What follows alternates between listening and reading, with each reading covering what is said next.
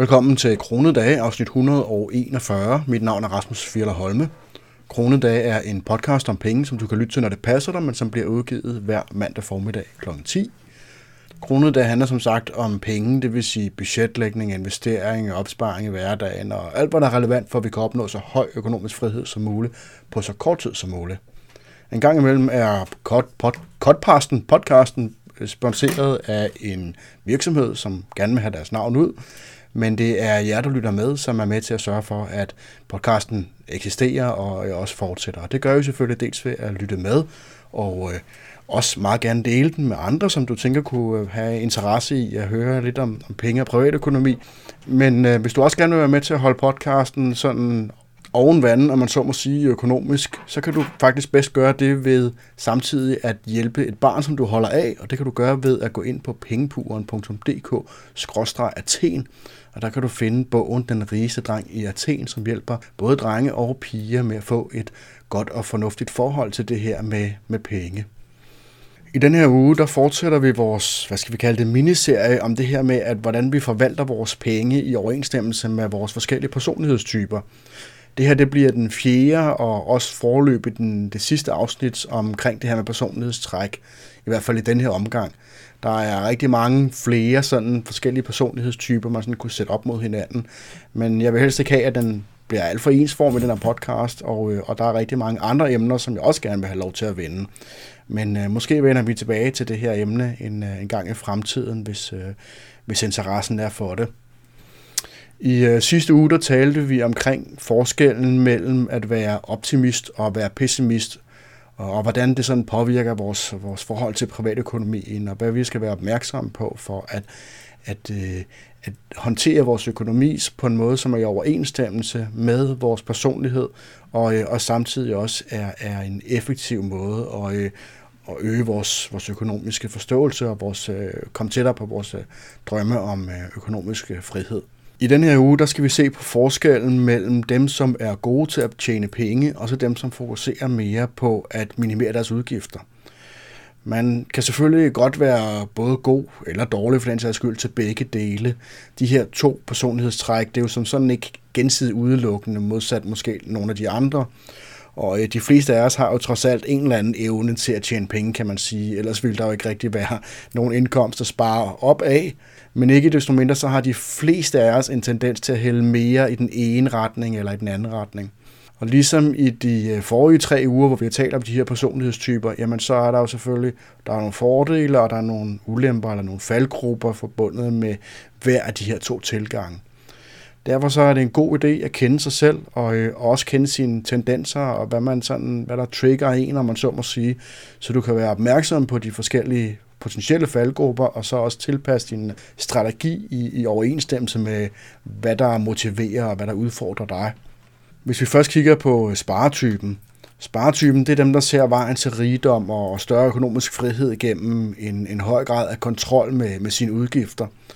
Altså hvor målet er at have så lave udgifter som overhovedet muligt. På den måde kan man spare flere penge op, og, øh, og på den måde kan man have en højere grad af, af frihed.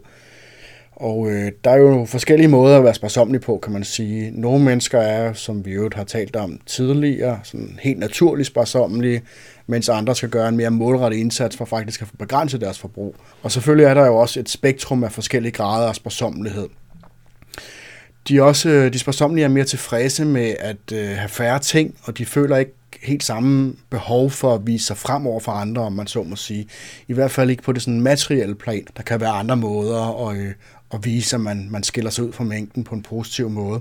Øh, eller også kan man sige, at der er også nogle af dem, der falder ind i kategorien sparsomlige eller sparetyper, som måske ikke er der endnu, og som egentlig er øh, i høj grad forbrugere, som vi har talt om i en, i en tidligere afsnit, at der er forbrugere, og så er der dem, som er bedre til naturligt at spare op. Men der er mange i den her sparetype kategori, som som i hvert fald ser det som et mål at opnå det her mindset, hvis de ikke nødvendigvis har opnået det nu, altså som siger, at jeg vil gerne have en højere grad af økonomisk frihed, og det opnår jeg bedst, hvis jeg lærer at kontrollere mine udgifter.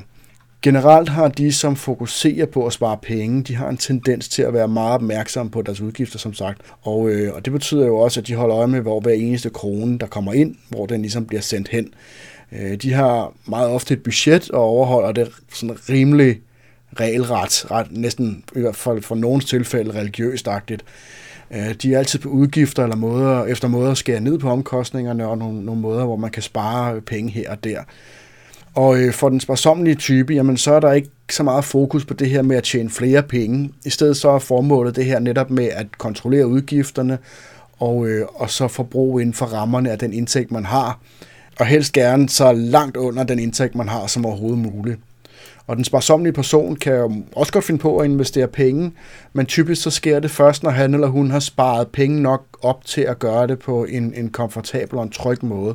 Og øh, modsat pengemærtypen, jamen så vil formålet ved at investere for den sparsommelige type, det vil ofte være noget med, at man gerne vil slå øh, inflationen, hvor målet egentlig ikke er så meget at generere en masse penge i afkast og, og investere måske i nogle ting, som kan give høj risiko, men høj afkast. Jamen så gælder det her om at undgå at, at tabe penge til inflationen. Altså at investeringer fra den sparsomlige med andre ord er et middel til at mindske den her udgift, som jo man kan kalde øh, den, den tabte købekraft ved inflationen, jo i virkeligheden er jo bund og grund en, en udgift. Matematisk set, jamen så er sparsomlighed også den mest effektive måde at opnå økonomisk frihed på. Og det hænger jo sammen med, at øh, tidshorisonten er kortere, og at man jo reelt set ikke skal gøre noget. Tværtimod, så skal man jo gøre mindre, kan man sige, fordi at man skal forbruge mindre. Øh, Sparsomlighed, det giver øh, os i den forbindelse nogle ret mærkbare resultater, hvis man sammenligner med for eksempel at investere. For hver øh, 1000 kroner, du sparer i årlige udgifter, altså hvor du sænker dine årlige udgifter med 1000 kroner, jamen så svarer det jo faktisk til, at du skal investere omkring 40.000 kroner, hvis du skulle opnå det samme sådan relativt stabile afkast fra dine investeringer efter skat. Så, så på den måde, så kan man sige, at der er en rigtig stor gevinst ved at sænke sine udgifter bare lidt, hvis man skal hvis man ellers skulle ud og investere sine penge for, at, at, øh, at de ligesom skulle dække den her udgift. Hvis man nu sammenligner det med at tjene flere penge ved at gå på arbejde, jamen så svarer 1000 kroner sparet jo sådan cirka til, at man vil have en indkomststigning på 1500 til 2000 kroner, alt efter hvor meget man tjener, og man betaler topskat og sådan nogle ting. Så du skal med andre ord tjene mere end 1000 kroner før skat for at kunne matche en besparelse på 1000 kroner. Så uanset om man vil dække sine udgifter ved at arbejde sig til det, eller om man vil investere dem og få afkast ud af det, jamen så er der en klar diskrepans mellem gevinsten ved bare at sænke sine udgifter i forhold til at øge sine indtægter. Og så er der selvfølgelig også andre faktorer, man skal tage i betragtning, men generelt så er sparsomlighed en meget effektiv øh, måde at fremskynde sin rejse til økonomisk frihed på. Men det betyder jo ikke, at det er den eneste løsning, for der er jo selvfølgelig også nogle ting, man skal være opmærksom på, hvis man hører til sparetypen. Og den ene ting, det er for eksempel, at der er jo en åbenlys nedre grænse for, hvor meget man kan spare sig til økonomisk frihed. Men mindre du har planer om at leve i et telt under en bro, og leve af det, du fanger i skoven og med en fiskestang, jamen så skal du have et vist beløb til at dække dine sådan helt basale behov, som mad og husly og tøj og sådan nogle ting. Og sparsomlighed, det kan give dig rigtig meget frihed på relativt kort tid, men det er nødvendigt også at kunne tjene nok til, at du ligesom kan spare op i første gang og til at opretholde en, øh, en vis indtægt. For det andet så er der også en ret hårfin grænse mellem at være sparsommelig og være nære. Og selvom vi jo generelt er en overforbrugskultur, og de fleste af os sagtens vil kunne skære markant i vores udgifter, uden at det vil gå ud over vores livskvalitet generelt, jamen så er der jo også et punkt, hvor at sparsommeligheden det kan være en usund besættelse. Især hvis det går ud over vores sundhed eller vores sociale relationer. Nogle sparer bliver også meget kortsigtet, og det kan føre til suboptimale beslutninger, som i sidste ende koster mere i det lange løb. For eksempel så kunne man måske finde på at købe de billigste produkter, det allerbilligste man kan finde altid, selvom at det nogle gange giver bedre mening at investere i noget, som er lidt dyrere, men til gengæld er lidt mere holdbart eller lidt bedre kvalitet. Eller det kunne være sådan noget, som aldrig har ville tage på ferietur eller biografen eller noget andet med familien, fordi det er billigere at blive hjemme.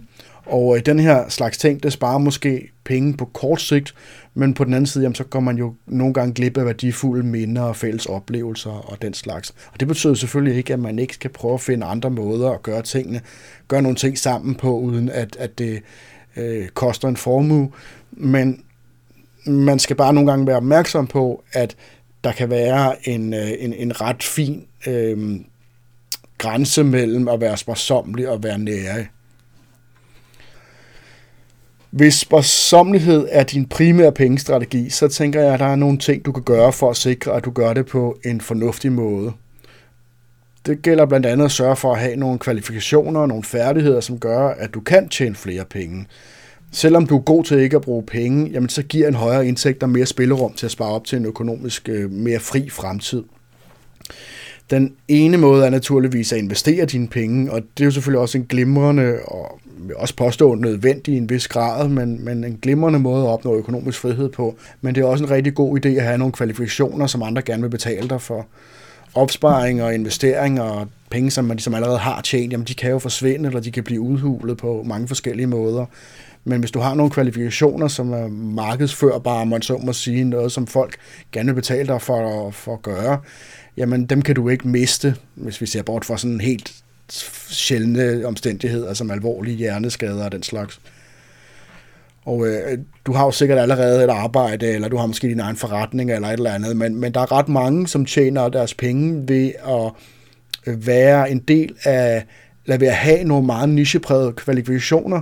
Så prøv at overveje, og hvis det er dig, om det vil være en fordel at lære nogle nye færdigheder, eller opdatere de eksisterende. Og øh, derudover så tænker jeg, at det i hvert fald for nogen kan være en fordel at have mere end en indtægtskilde.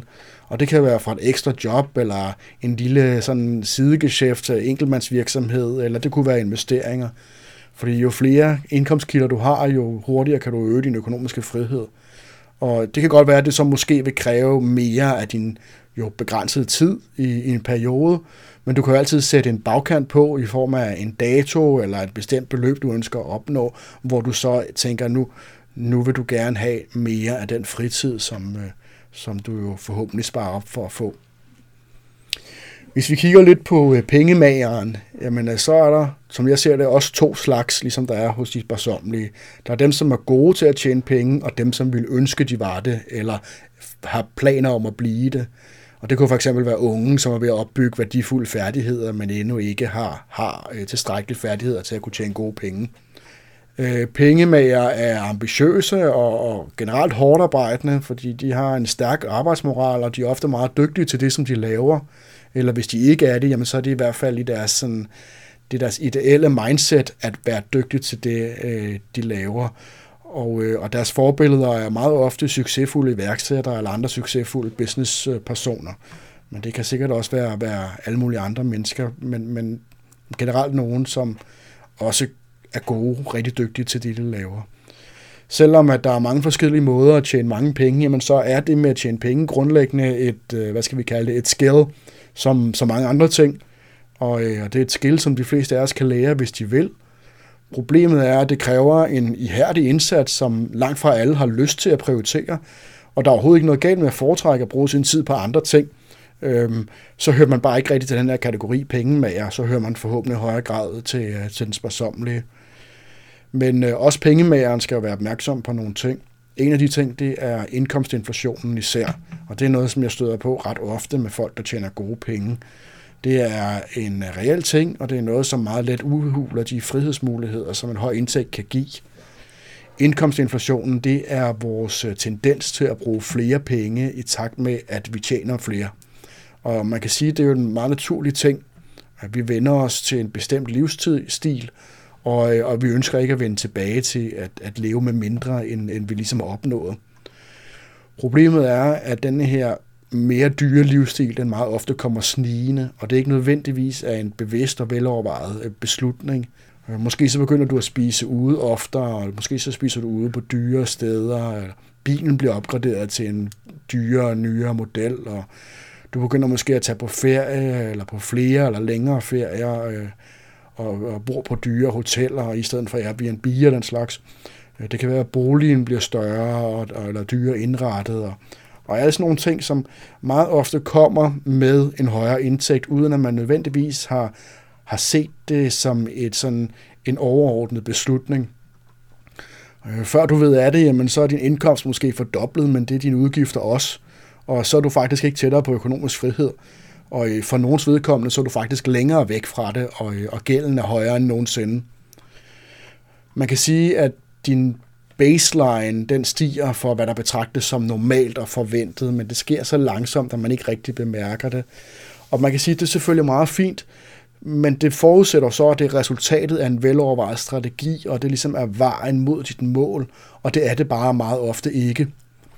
En anden ting er, at rigtig mange pengemager, de forbinder statussymboler med økonomisk succes. Og det kan man sige, det lyder måske ikke særlig pænt, men det giver i virkeligheden meget god mening, at hvis du vægter evnen til at tjene penge højt, jamen så ser du alt andet lige selvfølgelig op til folk, som ejer ting, der afspejler en høj indtægt.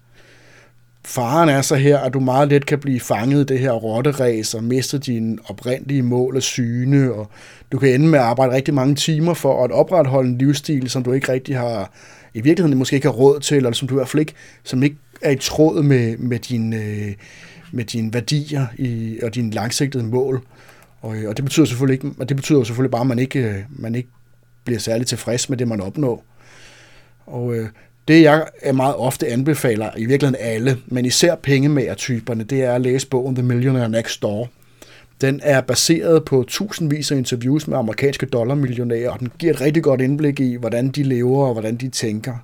Og ja, den er som sagt fra USA, og jeg tror ikke, der er lavet et, et tilsvarende studie i Danmark, men man ikke det minder nogenlunde om.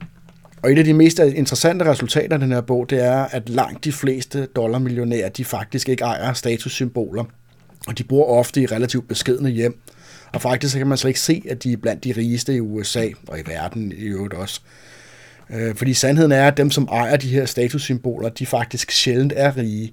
Dem, som man ser, der dyr, bor på de rigtig dyreste adresser og kører i Lamborghini og andre ting, at de faktisk øh, med undtagelse selvfølgelig af nogle få ultrarige milliardærer og nogle sportsfolk og sådan nogle ting, jamen så er der rigtig mange af dem, der bor de her adresser, de egentlig ikke er rige. De tjener mange penge, men de har ofte en meget, meget høj gæld også. Og den her dyre livsstil, den forudsætter, at den høje indtjening, den fortsætter. Der skal ofte meget lidt til at slå dem ud af kurs, fordi at de har så lille buffer mellem, hvad de tjener og hvad de bruger. Og det fører os til tredje og øh, sidste ting, som alle pengemager de bør være opmærksomme på. Og det er, at en høj indtægt i de fleste tilfælde er afhængig af, at de arbejder for at retfærdiggøre deres høje indtægt. En advokat skal fortsætte med at kunne fakturere timer, og en konsulent skal fortsætte med at sælge sine tjenester, og en direktør skal præstere og levere resultater osv. osv. Så man kan ikke bare øh, sætte sig på sin flade og, øh, og indkassere pengene med, med en garanteret øh, fremtidig indtægt. Og det betyder jo så også, at hvis de på et eller andet tidspunkt ikke har lyst til, eller ikke kan leve op til det her krav, jamen så vil deres indkomst meget hurtigt falde. Og det er ofte ikke særlig let at hoppe tilbage, om man så må sige, og genvinde en høj indkomst, øh, hvis man først har været ude i en periode. Og selvfølgelig er der jo undtagelser. Nogle mennesker har jo skabt virksomheder eller andre kilder til passiv indkomst, som fortsat bliver ved med at generere penge, selv hvis de holder op med at arbejde. Men det er generelt ikke tilfældet for, øh, for folk med høj indkomst mange højtlønnede har også den øh, udfordring, kan man sige, eller den, både en fordel og en ulempe, kan man sige, men de har meget stor tillid til deres evner på arbejdsmarkedet, og, øh, og det kan der være rigtig god grund til, fordi de typisk er virkelig dygtige til det, de laver. Øh, men det betyder også, at mange forventer, at der altid vil være nogen, som vil se noget værdi i deres evner og betale dem en, en god øh, hyre for det. Men øh, der kan jo ske ting, såsom sygdom eller ændring på arbejdsmarkedet, eller statslig indblanding af den ene eller den anden slags, eller måske bare alderen, der presser, og, øh, og det kan så meget hurtigt reducere, reducere, reducere deres muligheder.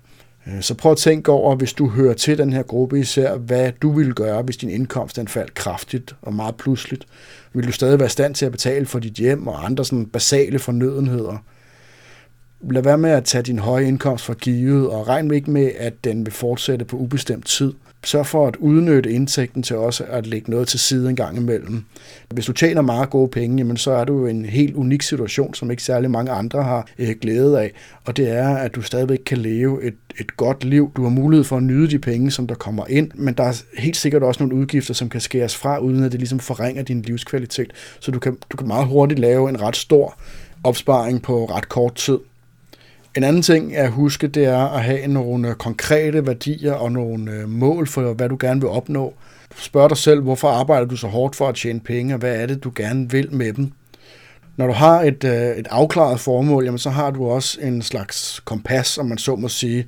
Og det gør, at det er nemmere ikke at blive fanget i den her indkomstinflation, eller blive fristet af statussymboler, i hvert fald de unødvendige former for statussymboler, øh, som jo ofte vil føre folk længere væk fra deres egentlige prioriteter. Så hvis vi skal opsummere ret kort, jamen så er sparsomlighed en rigtig effektiv måde at fremskynde sin rejse mod økonomisk frihed, men det er ikke den eneste måde. Hvis man kombinerer en effektiv sparer med en anstændig pengemager, eller for den sags skyld en effektiv pengemager med en anstændig sparer, jamen så kommer man meget hurtigere frem, og du sikrer samtidig dig selv mod uforudsete situationer. Og, øh, og selvom du primært hører til den ene eller den anden af de to typer, jamen, så kan vi sagtens kombinere dem med nogle af fordelene fra den anden, uden at det nødvendigvis behøver at indebære, at man forsøger at ændre på sine grundlæggende personlighedstræk. Det var i den her uges udgave af Kronedage. Jeg håber, at du synes om det, du kan bruge det til noget. Og øh, som nævnt i starten, hvis du synes om det, jamen er den bedste måde, du kan hjælpe podcasten, er ved at hjælpe et barn, du holder af. Og det kan du gøre ved at gå ind på pengepuren.dk-athen. Ellers så er der bare at sige tak, fordi du lyttede med. Vi tales ved i næste uge, og pas godt på jer selv derude.